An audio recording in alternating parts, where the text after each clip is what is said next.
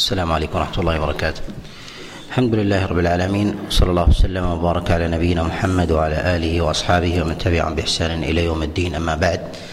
ففي هذا المجلس في التاسع من ربيع الآخر في عام خمس وثلاثين وأربعمائة وألف نتكلم بإذن الله عز وجل على شيء من الأحكام المتعلقة بأحكام صلاة العيدين. وتكلمنا في المجلس السابق على شيء منها أو في المجلسين السابقين على شيء منها. ومن هذه الأحاديث المتعلقة بالباب هو حديث عبد الله بن السائب أن رسول الله صلى الله عليه وسلم صلى العيد بأصحابه ثم قام فقال إنا صلينا العيد. ومن شاء أن يشهد الجمعة ومن شاء أن يشهد الخطبة فليجلس. ومن شاء أن ينصرف فلينصرف. هذا الحديث أخرجه أبو داود والنسائي وابن ماجه وغيرهم من حديث ابن جريج عن عطاء عن عبد الله بن السائب عن رسول الله صلى الله عليه وسلم. وهذا الحديث منكر. وهذا الحديث الحديث منكر. وقع الخطأ والوهم فيه من الفضل بن موسى وقد تفرد به وجعله موصولا إلى رسول الله صلى الله عليه وسلم والصواب في هذا الحديث والصواب في هذا الحديث الإرسال. وذلك أنه يرويه الثقات عن ابن جريج عن عطاء مرسلا عن رسول الله صلى الله عليه وسلم. والوهم في ذلك على ما تقدم من الفضل بن موسى عند عامة النقاد. وهذا الحديث مسندا له وجهان. الوجه الأول ما رواه الفضل أبو موسى بهذا الوجه من حديث ابن جريج عن عطاء عن عبد الله بن السائب عن رسول الله صلى الله عليه وسلم مسندا هكذا. والوجه الثاني جعل من مسند عبد الله بن عباس. رواه بشر بن عبد الوهاب عن وكيع ابن الجراح عن سفيان عن ابن جريج عن عطاء عن عبد الله بن عباس عن النبي صلى الله عليه وسلم فجعل من مسند عبد الله بن عباس. وهو وهم في الوجهين. وهم فيهما يعني أنه لا يثبت مسندا متصلا عن رسول الله صلى الله عليه وسلم والصواب في ذلك الإرسال. هكذا يرويه الثقات عن سفيان يرويه الثقات كحال قبيصة عن سفيان عن ابن جريج عن عطاء مرسلا عن رسول الله صلى الله عليه وسلم. وبهذا جزم الأئمة عليهم رحمة الله كابن معين. فيقول ابن معين رحمه الله أخطأ فيه الفضل بن موسى والصواب فيه أنه عن ابن جريج عن عطاء مرسلا. وبهذا الوهم أيضا قال الأئمة كالامام أحمد رحمه الله وقال بذلك أبو زرعة وأبو حاتم والنسائي وغيرهم على أن هذا الحديث لا يثبت مسندا عن النبي عليه الصلاة والسلام. وما يتعلق بهذا الحديث من أحكام أن هذا الحديث فيه إشارة إلى أن خطبة الجمعة خطبة العيدين لا تجب أو لا يجب شهودها. وكذلك أيضا فإن من لغى فيها لا آثر للغوه فيها على صلاته بخلاف خطبة الجمعة. فإن خطبة الجمعة من صلى من صلى الجمعة ولغى في الخطبة فإن ذلك يؤثر على صلاته. بخلاف صلاة العيد فإن الإنسان إذا لغى في خطبته في خطبة الإمام فإنه لا أثر لا أثر في ذلك على على صلاته وفي هذا أيضا أن شهود الخطبة ليس بواجب في العيدين بخلاف بخلاف يوم الجمعة. وهذا وهذا الفقه ومحل اتفاق عند العلماء إلا فيما يتعلق في مسألة اللغو إلا ما يتعلق في مسألة اللغو. يتفق العلماء عليهم رحمة الله على أن شهود خطبة العيدين لا لا يجب وإنما وقع خلاف عند الفقهاء في من شهدها. هل يجب عليه الإنصات ولو لم ينصت؟ هل يعد واجبا عليه واجبا عليه الإنصات فيأثم عند لغوه ويؤثر ذلك على صلاته؟ باعتبار أن شهوده في ذلك يحرم عليه يحرم عليه أن أن يقع في شيء من اللغو وذلك بالكلام حتى لا يشوش على الناس. وأما أصل ذهابه فجائز. أما أصل ذهابه فجائز. وهذا فرع عن مسألة يذكرها الفقهاء أنه قد يبنى على مسألة من المسائل المستحبة أمر واجب. أمر واجب وذلك بعد انعقادها. وهذا في كلام بعض الفقهاء كحال صلاة الإنسان مثلا النافلة. إذا كبر فيها تكبيرة الإحرام قال بعض الفقهاء وجب عليه أن يتمها لأنه شرع بها فإذا شرع في شيء فليس له فليس له أن ينقضه إلا بوجه مشروع. والوجه المشروع في هذا هو التسليم هو التسليم. ولهذا بعض الفقهاء يقول أن شهود خطبة العيد سنة ولكن من شهدها وجب عليه أن يلتزم كحال التزامه في خطبة في خطبة الجمعة. وإذا أراد أن يلغو فيخرج ويلغو ويتكلم كما شاء ولا حرج عليه ولا حرج عليه في ذلك ولا أثر على على صلاته. وهذا الحديث في أن النبي عليه الصلاة والسلام قام في الناس وقال من أراد أن يشهد الجوء من أراد أن يشهد الخطبة فليجلس. في هذا في هذا إشارة إلى التخيير ولكن نقول إن هذا لا يثبت عن النبي عليه الصلاة والسلام. ولم يثبت عن النبي عليه الصلاة والسلام أنه خير خير أحدا بالجلوس وعدمه على حد سواء ولكن الصحابة عليهم رضوان الله تعالى هذا محل اتفاق من جهة عملهم وكذلك أيضا من جهة من جهة آه، خروجهم في حال سماع الخطبة أو جلوسهم أن هذا على التأخير وهذا محل وهذا محل اتفاق ولا خلاف عندهم عندهم في ذلك. الحديث الثاني وقول النبي صلى الله عليه وسلم فيما روته أخت عبد الله بن رواحة أن النبي صلى الله عليه وسلم قال وجب الخروج إلى العيد على كل ذات نطاق. وجب الخروج إلى العيد على كل ذات ذات نطاق. هذا الحديث أخرجه الإمام أحمد في المسند والبخاري في كتابه التاريخ وغيرهم من حديث محمد بن النعمان عن طلحة بن مصرف عن امرأة من بني عبد قيس عن أخت عبد الله بن رواحة عن رسول الله صلى الله عليه وسلم. وهذا الحديث حديث منكر بهذا اللفظ. وإن كان جاء بنحو معناه ولكن لا بإطلاقه من حديث أم عطية وهو في الصحيحين ويأتي الكلام عليه. هذا الحديث معلول بعدة علل. أول هذه العلل أن هذا الحديث يرويه محمد بن النعمان وهو وهو مستور الحال. وقد روى هذا الحديث عنه شعبة بن الحجاج وشعبة لا يروي إلا عن ثقة.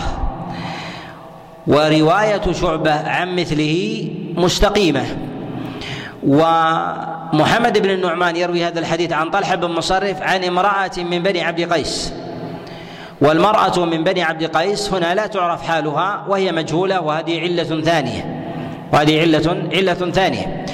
ويدل على أن الجهالة هنا أنها جاله عين وليست جهاله جاله حال أن هذا الحديث أخرجه الطيالسي في مسنده وأخرجه البيهقي. من هذا الحديث من حديث محمد بن النعمان عن طلحة بن مصرف عن رجل عن أخت عبد الله بن رواحة. فذكر وجعله رجلا وفي الطريق الأولى جعله امرأة من بني عبد قيس. فالجهالة في هذا الإسناد هي جهالة جهالة عين وجهالة العين هي أشد من جهالة الحال ولا يقبل فيها ولا يقبل فيها المتابعة. وذلك لأن الأصل في جهالة الحال أن العين معلومة وأنه يغلب عليها الستر أنه يغلب عليها الستر. ولو ظهر الكذب فيها لنقل فإن الكاذب لا تستر حاله غالبا. وأما إذا كان الراوي مستورا ولم يظهر منه كذب فأن الناس فإن الناس يمسكون عنه يمسكون عنه. وهذا الحديث إسناده كوفي مسلسل بالكوفيين. يرويه محمد بن النعمان وهو كوفي عن طلحة بن مصرف وهو كوفي وأخت عبد الله بن رواحة وهي كوفية أيضا. معدودة في الصحابة معدودة في الصحابة. وظاهر ذكر الإمام أحمد رحمه الله لحديثها في كتابه المسند على أنها من الصحابة كذلك على أنها من الصحابة كذلك. ومن وجوه العلل أن هذا الحديث في لفظه قال وجب الخروج إلى العيد على كل ذات نطاق وهنا في قوله وجب يظهر أنه روي بالمعنى. وهي عادة للكوفيين على ما تقدم الإشارة إليه مرارا. أن الكوفيين يروون الحديث وربما تصرفوا بلفظه على على ما يريدون مما يفهمونه لمن يرونه لمن يرونه لهم من التلاميذ أو ربما من عامة الناس. والحديث قد جاء في الصحيحين من حديث أم عطية أنها قالت أمرنا رسول الله صلى الله عليه وسلم. وفي رواية كنا نؤمر أن نخرج العواتق وذوات الخدور وأمر رسول الله صلى الله عليه وسلم الحيض أن يعتزلن المصلى. وهنا في قولها كنا نؤمر وفي رواية أمرنا وهي في أيضا في الصحيح إشارة إلى الأمر والأمر يحتمل الإلزام ويحتمل عدمه. قد يكون على الاستحباب وقد يكون على الفرض. وهو أوسع من لفظ الإيجاب. وهو أوسع من لفظ من لفظ الإيجاب. وفي قول أخت عبد الله بن رواحة النبي عليه الصلاة والسلام أنه قال وجب وجب خروج أو وجب على وجب الخروج إلى العيد على كل ذات نطاق من قوله. وحديث أم عطية من ظاهر من ظاهر توجيهه وإرشاده من ظاهر توجيهه وإرشاده. وقولها كنا نؤمر أو أمرنا رسول الله صلى الله عليه وسلم. وهذا دلالة على أن الحديث روي أن الحديث روي بالمعنى. وتقدم أيضا معنا الإشارة إلى أن الكوفيين عادة ما يقلبون الحديث على لفظ يقرب من الفقه والرأي. وهنا في لفظ الوجوب في قوله وجب الخروج إلى العيد هذا ربما يأتي كما في حديث أبي سعيد قال غسل الجمعة واجب على كل محتل فهل هذا على معناه أم لا؟ نقول إن هذا الحديث وإن كان على معناه من جهة اللفظ إلا أن الحديث لا يخالفه غيره من جهة لفظه. بل إنه أصح شيء في هذا الباب من جهة التأكيد على غسل على غسل الجمعة. قوله غسل غسل يوم الجمعة واجب على كل محترم. بخلاف حديث أخت عبد الله بن رواحة فإنها قالت وجب الخروج إلى صلاة العيد على كل ذات نطاق. وهذا الحديث الذي يخالفه أقوى منه كنا نؤمر أو أمرنا.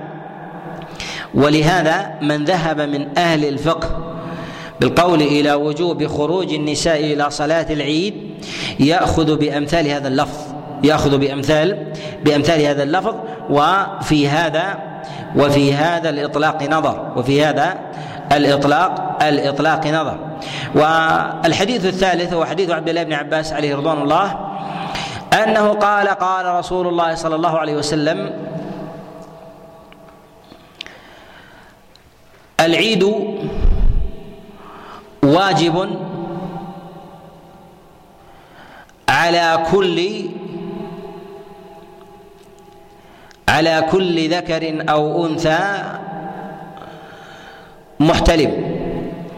الحديث أخرجه ابن شاهين في العيدين. أخرجه ابن شاهين في العيدين من حديث عمرو بن شمر. يظهر أنه من حديث عمرو بن شمر عن خالد بن يزيد. عن عطاء عن عبد الله بن عباس عن النبي عليه الصلاة والسلام. وعمر بن شمر كوفي متهم وضعيف الحديث جدا. وقد تفرد بهذا الحديث. وقال فيه الإمام أحمد رحمه الله منكر الحديث. وقد اتهمه الجوزجاني بالكذب. ولا يعرف هذا الحديث إلا إلا من طريقه بهذا اللفظ. إلا من طريقه بهذا بهذا اللفظ. وهذا الحديث شبيه بالموضوع. وهذا الحديث شبيه بالموضوع. الحديث الرابع وحديث أبي سعيد الخدري أن رسول الله صلى الله عليه وسلم كان يصلي بهم العيد. فلم يصلي قبلها شيئا. فلما رجع إلى بيته صلى ركعتين.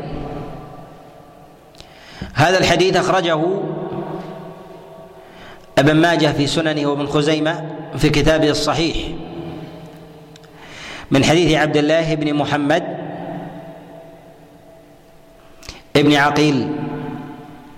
عن عطاء عن أبي سعيد الخدري عن رسول الله صلى الله عليه وسلم. وهذا الحديث منكر.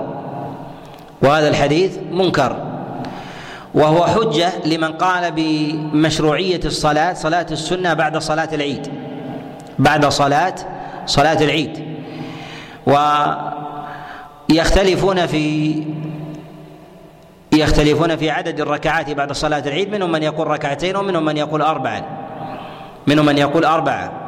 ولا يثبت في ذلك شيء عن النبي صلى الله عليه وسلم لا قبل صلاة العيد ولا بعدها وهذا الحديث حديث أبي سعيد الخدري حديث منكر تفرد به عبد الله بن محمد هنا وهو ضعيف عند عامة الحفاظ. وقد ضعفه يحيى بن معين والإمام أحمد وعلي بن المديني وغيرهم. بل ضعفه بعض الأئمة جدا كيحيى بن معين. فقال في رواية هالك وقد تفرد بهذا الحديث عن عطاء عن أبي سعيد الخدري عن رسول الله صلى الله عليه وسلم. ولا يعرف ذلك إلا من حديثه مرفوعا إلى النبي عليه الصلاة والسلام. ويدل على نكارة هذا الحديث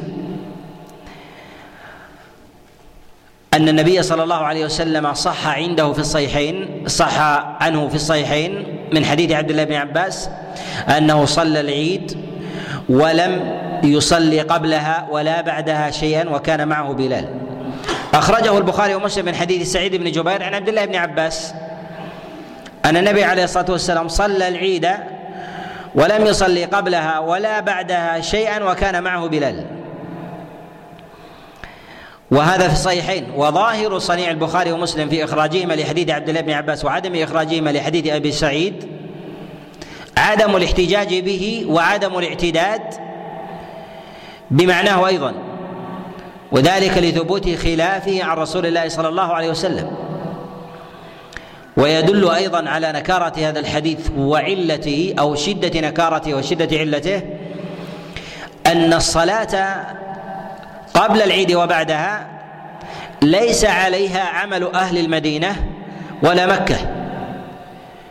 وذلك أنه قد جاء عند عبد الرزاق عن ابن شهاب الزهري قال ما أدركنا الناس يصلون قبل العيد ولا بعدها شيئا. وابن شهاب الزهري هو من أئمة الفقه والرواية والدراية من أهل المدينة وبصير بعملهم. وجاء ذلك أيضا عن ابن شهاب جاء ذلك عن عامر بن شراحيل الشعبي فيما رواه الفريابي في كتاب العيدين. عن عامر بن شراحيل الشعبي أنه قال شهدت المدينة وأهلها متوافرون فما رأيتهم يصلون قبلها ولا بعدها. وإسناده عن ابن شهاب وعمر بن شراحيل الشعبي صحيح. وكذلك أيضا عليه عمل أهل مكة كما رواه عبد الرزاق في المصنف عن ابن جريج قال قلت لعطاء يعني ابن أبي رباح أكان الناس يصلون قبل صلاة العيد أو بعد شيئا قال لا. ومعلوم أن عمل أهل المدينة على مراتب من جهة الاحتجاج فيما يروونه منه ما هو قوي في العمل في بعض المسائل كمسائل الصلاة كمسائل الصلاة. وكلما كانت الصلاة أكثر ورودا وتكرارا ثم لم ينقل ولم يعملوا بها كان ذلك أقرب إلى القطع. القطع بعملهم أنه حجة. وإذا تباين عملهم أو تباين العمل في ذلك فكان حوليا أو لا يتكرر أو كان عملا عارضا من سائر الأعمال ليس من العبادات فإنه يضعف الاحتجاج. ولهذا نقول إن عمل أهل المدينة ليس على مرتبة واحدة. منه ما هو عمل في الصلاة والصلوات على مراتب. منها ما هو في الصلوات الخمس. ويختلف الصلوات الخمس عن الاستسقاء والعيدين وغيرها. والفرائض تختلف عن النوافل. وذلك لأنها تتكرر. والأمور التي تتكرر في حال الإنسان هي أظهر بالمتابعة والاقتداء ولهذا قلما يترك أهل المدينة عملا يفعله النبي عليه الصلاة والسلام على الدوام في يومه. ويندر هذا أن يكون في غيرهم عناية بالأعمال اليومية فيقدم. ولهذا نقول إن أهل المدينة يقدمون في أحكام الصلاة قولا واحدا. إذا أجمعوا فلا ولم يكن فيهم خلاف عندهم داخل المدينة. ويتأكد ذلك إذا كان أهل مكة على عملهم كذلك. على عملهم كذلك. ويندر ان أن يخالفهم غيرهم فيكون الصواب معه في هذه المسألة. ومنهم أيضا من أهل الآفاق من غير المدنيين من له قول قوي ولو في الصلاة لأنه يأخذ من طبقة متقدمة ويتحرى بالأخذ عن العليا كإبراهيم النخعي. إبراهيم النخعي كوفي وهو من أهل العراق. وكان الإمام أحمد رحمه الله يميل إلى بعض قوله في أبواب الصلاة خاصة. والسبب في ذلك أن إبراهيم النخعي يأخذ من مقدمين من مدنيين وطبقة كبرى من التابعين. وطبقة كبرى من التابعين ومعلوم أن إبراهيم النخعي من جهة الرواية معدود في أتباع التابعين. وإن كان من جهة الرؤية منهم من يجعله في عداد في عداد التابعين والصواب أنه في عداد أتباع في عداد أتباع التابعين. وعلى هذا نجزم إن حديث أبي سعيد الخدري في صلاة النبي بعد بعد العيد في بيت ركعتين حديث منكر. وذلك لمخالفته لما جاء عن النبي عليه الصلاة والسلام أنه كان لا يصلي قبلها ولا بعدها شيئا. وعلى ذلك عمل أهل المدينة وعمل أهل مكة. وقد جاء ما يؤيد حديث عبد الله بن عباس عليه رضوان الله السالف الذكر أن النبي لم أن النبي لم يصلي قبلها ولا بعدها شيئا عن جماعة من الصحابة.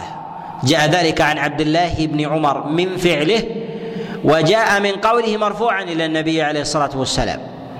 أما الموقوف عليه فقد رواه الإمام مالك في الموطأ عن نافع عن عبد الله بن عمر أنه كان يصلي العيد ولا يصلي قبلها ولا بعدها شيئا. وأما في رفعه إلى النبي عليه الصلاة والسلام فقد أخرجه الإمام أحمد في المسند من حديث أبي بكر ابن حفص عن عبد الله بن عمر أنه كان يصلي العيد ولا يصلي قبلها ولا بعدها شيئا ويذكر ذلك عن النبي صلى الله عليه وسلم. وجاء ذلك أيضا عن عبد الله بن عمرو وجاء ذلك عن جابر بن عبد الله وكل وكل أو كلا هذين الحديثين حديث عبد الله بن عمر وجابر بن عبد الله أخرجه الإمام أحمد رحمه الله في المسند وحديث جابر أخرجه من حديث أبي الزبير عن جابر وحديث عبد الله ابن عمرو بن العاص أخرجه من حديث عمرو بن شعيب عن أبيه عن جده ويأتي الإشارة إليه بإذن الله. وهذا يعضد القول على أن الصلاة بعد صلاة العيد نافلة لم تثبت عن النبي صلى الله عليه وسلم في عمله في حديث ولا كذلك أيضا قبلها. ومشروعية الصلاة الصلاة قبل صلاة العيد مشروعية الصلاة قبل صلاة العيد أضعف من القول بمشروعيتها بعد صلاة العيد. لماذا؟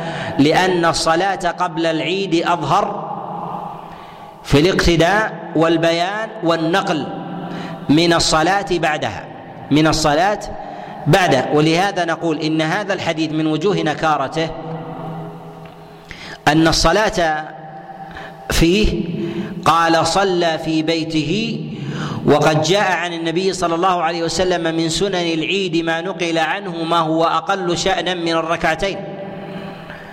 ما هي أعمال العيد التي التي هي ثابتة؟ وهي أقل مرتبة في التشريع من الركعتين ونقلت بأسانيد صحيحة أنس. نعم. الذهاب من طريق والرجوع من طريق أليس كذلك؟ نعم. هل الذهاب من طريق والرجوع من طريق أظهر في الخفاء أم الركعتين؟ ولماذا نستطيع أن نعل حديث الركعتين؟ بقوة إسناد الذهاب من طريق والرجوع من طريق مع التباين.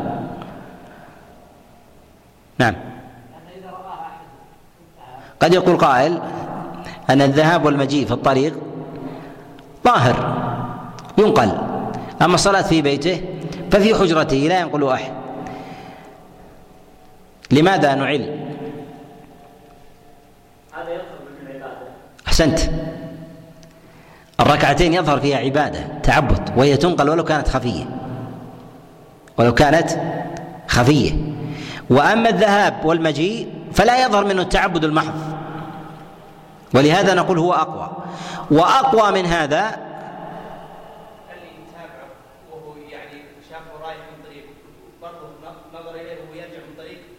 يعني قصدك التحري انهم أنهم يتحرون هو نفس الدلالة. نعم. ها؟ أكل التمرات. أكل التمرات في البيت ولا في الطريق؟ في البيت. إذا أخفى. فنقول إن كيف يظهر لهم أكل النبي للتمرات في بيته؟ ولا تظهر الصلاة. ولا تظهر الصلاة. هذا دليل على ماذا؟ دليل على شدة التحري ونكارة حديث الركعتين. ونكارة حديث الركعتين. وقد صلى النبي عليه الصلاة والسلام صلاة العيدين نحو من عشر سنين. فكيف لا ينقل بإسناد صحيح أنه صلى ركعتين قبلها أو بعدها بإسناد يشابه التمرات؟ أليس هذا بأولى؟ أولى. وكذلك أيضا يدل على أن حديث أكل التمرات يعل حديث الركعتين بقوة أن حديث أكل التمرات في الفطر. حديث أكل التمرات في الفطر في عيد واحد. وصلاة الركعتين في عيدين.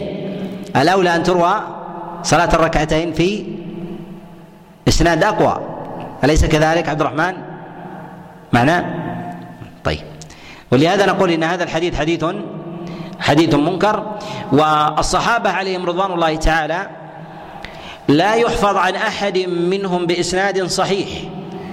أن الصلاة قبل قبل العيد أو بعدها أنها سنة ولا امروا بها ولا يثبت عن أحد منهم أنه فعلها إلا ما جاء عن أنس بن مالك. وذلك فيما رواه عبد الرزاق في المصنف عن سليمان التيمي أنه رأى أنس بن مالك يصلي قبل العيد ركعتين. ولكن نقول إنه رآه يصلي ركعتين. وهذا ليس وقت نهي بحيث نحتج بمثل هذا وهو من الأوقات المطلقة. وهي من الأوقات المطلقة. فلو أن الإنسان أراد أن يصلي يصلي. لا نمنعه. دخل الإنسان في في مصلى في المسجد لصلاة العيد أو دخل الإنسان المصلى ثم أراد أن يتنفل للضحى كان يكون تأخر الإمام ونحو ذلك فأراد أن يتنفل. هل يكره له؟ لا يكره له. لا يكره له. هذا. لماذا؟ لأنه ليس وقت نهي. وإنما نحن في إيرادنا هذا. نريد أن نبين أن النبي صلى الله عليه وسلم لم يفعلها فقط. وعدم فعل النبي يدل على أنها ليست سنة في ذاتها. كحال الإنسان الذي يدخل المسجد لأي صلاة من الصلوات التي لم يدل دليل مرفوع إلى النبي عليه الصلاة والسلام في الصلاة قبلها مثلا كصلاة العصر. ثم أراد أن يتنفل ما شاء. هل يكره له ذلك؟ لا يكره له هذا لا يكره له هذا. ولكن نقول لا تكون راتبة يديمها الإنسان إلا بثبوت ذلك عن النبي عليه الصلاة والسلام. ولهذا نقول إن ما جاء عن انس بن مالك لا حجة فيه في معارضة ما جاء. ثم أيضا أنه ربما انس بن مالك أنه صلى في صلاة العيد في المسجد. حينئذ تكون تحية تحية المسجد وهي وهذا واردة. ولهذا نقول إن تقرير هذه المسألة أنه لم يثبت عن النبي عليه الصلاة والسلام أنه صلى قبلها آه، ولا بعدها فضلا عن يكون أمر بذلك ولم يثبت أيضا عن الصحابة عليهم رضوان الله تعالى شيء في هذا. وما جاء عن بعض الصحابة كعبد الله بن بريدة يروي عن أبيه لو كان يصلي اربعا إذا رجع إلى أهله. وجاء عن عبد الله بن مسعود عليه رضوان الله أنه كان يصلي اربعا إذا رجع إلى أهله وهذه وهذان الأثران ضعيفان وهما في المصنف. وفيهما وفيهما كلام. وذلك أن الحديثين آه، فيهما علة الانقطاع ولهذا نقول إن هذا الحديث لا يثبت عن النبي صلى الله عليه لا يثبت عن عبد الله بن مسعود ولا عن بريدة عليهما عليهما رضوان الله. ويبقى الأمر على أصله أن ذلك لا يثبت عن النبي عليه الصلاة والسلام ولا يثبت تشريعا عن الصحابة. وأما جاء عن أنس بن مالك عليه رضوان الله تعالى فهو باق على آه، على على أصل الصلاة في سائر الأيام. إما أن تكون ضحى وإما أن تكون آه، تحية المسجد. وهذا ليس وقت نهي بحيث يحتج به أن أن الصلاة في هذا آه، مشروعة. فجاء فجاء أثر عن أنس بن مالك يخالف النهي الوارد. لهذا نقول إن هي من جملة السنن الواردة عن النبي صلى الله عليه عن السنن الواردة عن النبي عليه الصلاة والسلام بإطلاق كتحية المسجد وسنة الضحى وسنة الضحى. وثمة مسائل أيضا ينبغي أن نشير إليها ونورد الأحاديث الواردة فيها وهي أنه ورد عن النبي عليه الصلاة والسلام النهي عن الصلاة قبل العيد وبعدها. النهي عن الصلاة قبل العيد العيد وبعدها. ثبت عندنا النبي لم يصلي لكن هل نهى أم لا؟ جاء في ذلك أنه نهى. جاء في ذلك أنه أنه نهى عليه عليه الصلاة والسلام. وذلك جاء في حديث عبد الله ابن عمر ابن العاص عليه رضوان الله تعالى أن رسول الله صلى الله عليه وسلم قال لا صلاة قبل العيد ولا ولا بعدها. لا صلاة قبل العيد ولا ولا بعدها. هذا الحديث رواه عبد الله بن عبد الرحمن الطائفي عن عمرو بن شعيب عن أبيه عن جده عبد الله بن عمر عن رسول الله صلى الله عليه وسلم. وهذا الحديث حديث منكر وهذا الحديث حديث حديث منكر. وقد تفرد به مروان عن عبد الله بن عبد الرحمن الطائفي عن عمرو بن شعيب. ومروان متهم بالتدليس وعبد الله بن عبد الرحمن الطائفي في حديثه لين.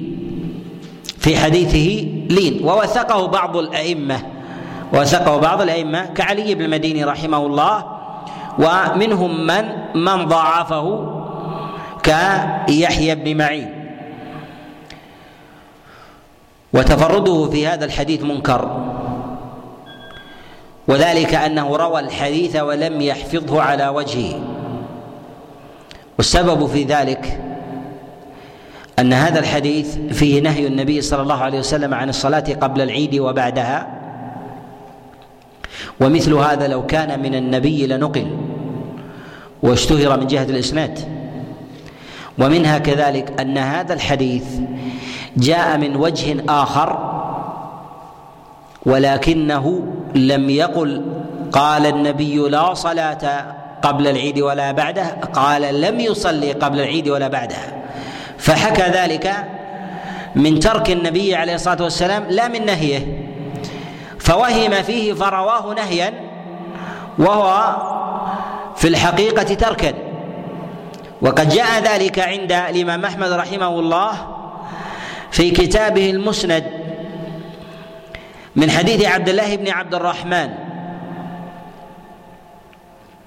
الطائفي عن عمرو بن شعيب عن أبيه عن جده أن النبي صلى الله عليه وسلم كبر في العيدين في الأولى سبعا وفي الثانية خمسا ولم يصلي قبلها ولا بعدها شيئا. وهذا وهذا هو الصحيح.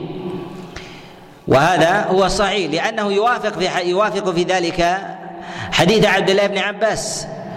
في الصحيحين النبي صلى الله عليه وسلم لم يصلي قبل العيد ولا بعدها شيئا فيما رواه سعيد بن جبير عنه. وأما رواية الطائفي في هذا منكره لأنه روى الحديث بوجهين والراوي إذا روى الحديث بوجهين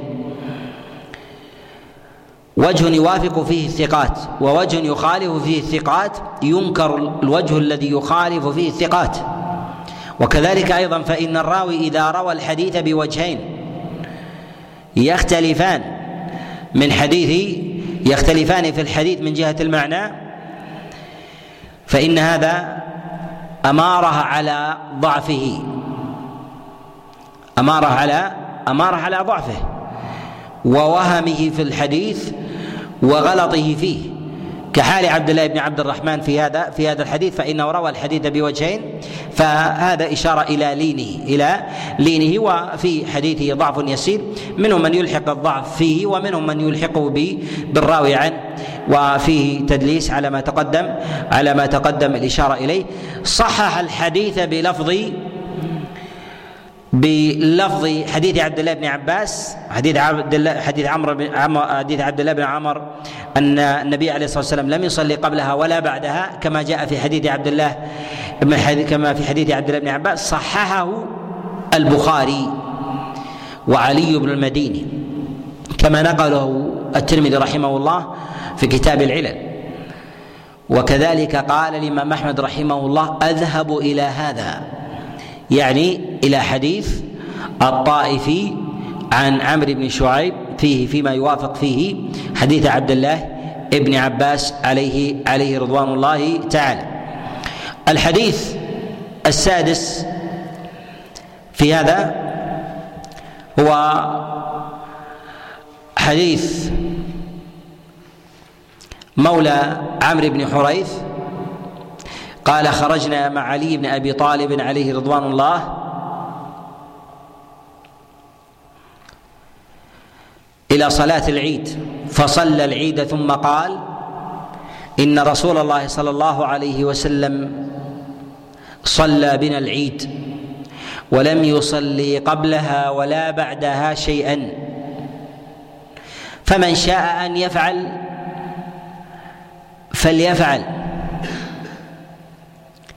فأنا لا أنهى عبدا عن صلاة. هذا الحديث أخرجه البزار في كتابه المسند من حديث محمد بن إبراهيم بن النعمان عن الربيع بن سعيد عن مولى عمرو بن حريث عن علي بن أبي طالب. وهذا الحديث حديث ضعيف. وذلك أنه قد تفرد به محمد بن إبراهيم بن النعمان عن الربيع بن سعيد ومحمد بن إبراهيم بن النعمان مجهول الحال. والربيع بن سعيد مجهول أيضا. ورواية المجهول عن المجهول ولو كانت الجهالة جهالة حال ولو كانت الجهالة جهالة حال ضعف شديد لا ينجبر بالمتابعة لا ينجبر بالمتابعة وهذا وإن كان من جهة المعنى ثابت في حديث عبد الله بن عباس وفي قول علي هنا من شاء أن يفعل فليفعل. هذا على ما تقدم في تفسيرنا في السابق أن الأصل في أداء الصلاة أنها من المشروع العام المطلق وأما أن يتعبد بها سنة لصلاة العيد فلا يثبت. وعلى هذا يحمل ما جاء عن علي بن أبي طالب عليه رضوان الله في قوله من شاء أن يفعل فل فليفعل يعني أن أراد أن يتنفل ويصلي فليصلي في هذا. وثمة حديث ليس له إسناد في هذا في نهي النبي عن الصلاة أخرجه ابن وهب كما في المدونة. عن جرير بن عبد الله أن رسول الله صلى الله عليه وسلم نهى عن الصلاة قبل العيد وبعده وهذا أيضا منكر. ويقول عبد الله بن وهب بلغني عن جرير بن عبد الله أن رسول الله صلى الله عليه وسلم نهى عن الصلاة قبل العيد وبعدها وهذا ليس له إسناد وهو مخالف أيضا لظاهر الأحاديث. وذلك أن نهي النبي عليه الصلاة والسلام عن الصلاة قبل صلاة العيد وبعدها يجعل ذلك من أوقات النهي. ذاك من أوقات من أوقات النهي. وأوقات النهي لا بد أن تثبت بأحاديث مستفيضة. لا بد أن تثبت بأحاديث مستفيضة وصحيحة. والنهي عن الصلاة قبل العيد أيسر من النهي عن الصلاة بعد العيد. أيسر من الصلاة بعد العيد. لماذا؟ لأن الصلاة بعد العيد وقتها واسع إلى إلى صلاة الظهر. فالنهي في مثل هذا الوقت مع اتساعه لا بد أن ينقل. وأما النهي قبل صلاة العيد فهو فهو وقت يسير. فهو وقت وقت يسير. ومثل هذا لا بد أن يرد أن يرد فيه شيء من من هذا. وقد أخرج النسائي في كتابه السنن من حديث ربيعة أن علي بن أبي طالب عليه رضوان الله استخلف أبا مسعود عليه رضوان الله في صلاة العيد. فقام في الناس فقال ليس من السنة الصلاة قبل الصلاة قبل صلاة العيد. قبل صلاه قبل صلاة العيد. هذا الحديث ظاهر إسناده السلامة والصحة وأما قول أبي مسعود أنه قال ليس من السنة يعني ليس من فعل النبي صلى الله عليه وسلم هو يعضد ما تقدم الإشارة إليه أن الصلاة قبل صلاة العيد لم تثبت عن النبي عليه الصلاة والسلام وأما قوله ليس من السنة هل هذا يعني في ذلك النهي؟ نقول لا يقتضي من ذلك النهي ولكن يعني أنه ليس ثمة نافلة يتطوع بها خاصة لصلاة العيد أو قبلها وذلك أن النبي صلى الله عليه وسلم لم يفعله وهو على ما تقدم من عمل الصحابة وعمل أهل المدينة على خلاف هذا على خلاف هذا الأمر. وأما من أراد أن يتنفل تنفلا عاما في كصلاة الضحى أو غير ذلك من النوافل كذوات الأسباب من من تحية المسجد وسنة الوضوء أو ما يفعله الإنسان ويعتاده من صلوات في مثل هذا الوقت فإن الأمر في ذلك سعة ولا ينهى عن ذلك وأما التقييد في ذلك هو التقييد بصلاة العيد. وقد نص غير واحد من الأئمة على أنه لا ينهى عن الصلاة ولكن لا يتعبد بتقييدها. نص على ذلك ابن المنذر رحمه الله ويقول كذلك أيضا ابن حجر رحمه الله لا يثبت عن النبي صلى الله عليه وسلم أنه صلى قبل صلاة العيد أو بعدها أو نهى عن ذلك أو نهى عن ذلك وإنما التنفل المطلق. جائز وإنما التنفل المطلق في ذلك جائز. نكتفي بهذا القدر ونسأل الله عز وجل أن ينفعنا بما سمعنا وأن يعلمنا ما جهلنا وأن يجعله حجة لنا لا علينا. إنه لذلك والقادر عليه وصلى الله وسلم وبارك على نبينا محمد.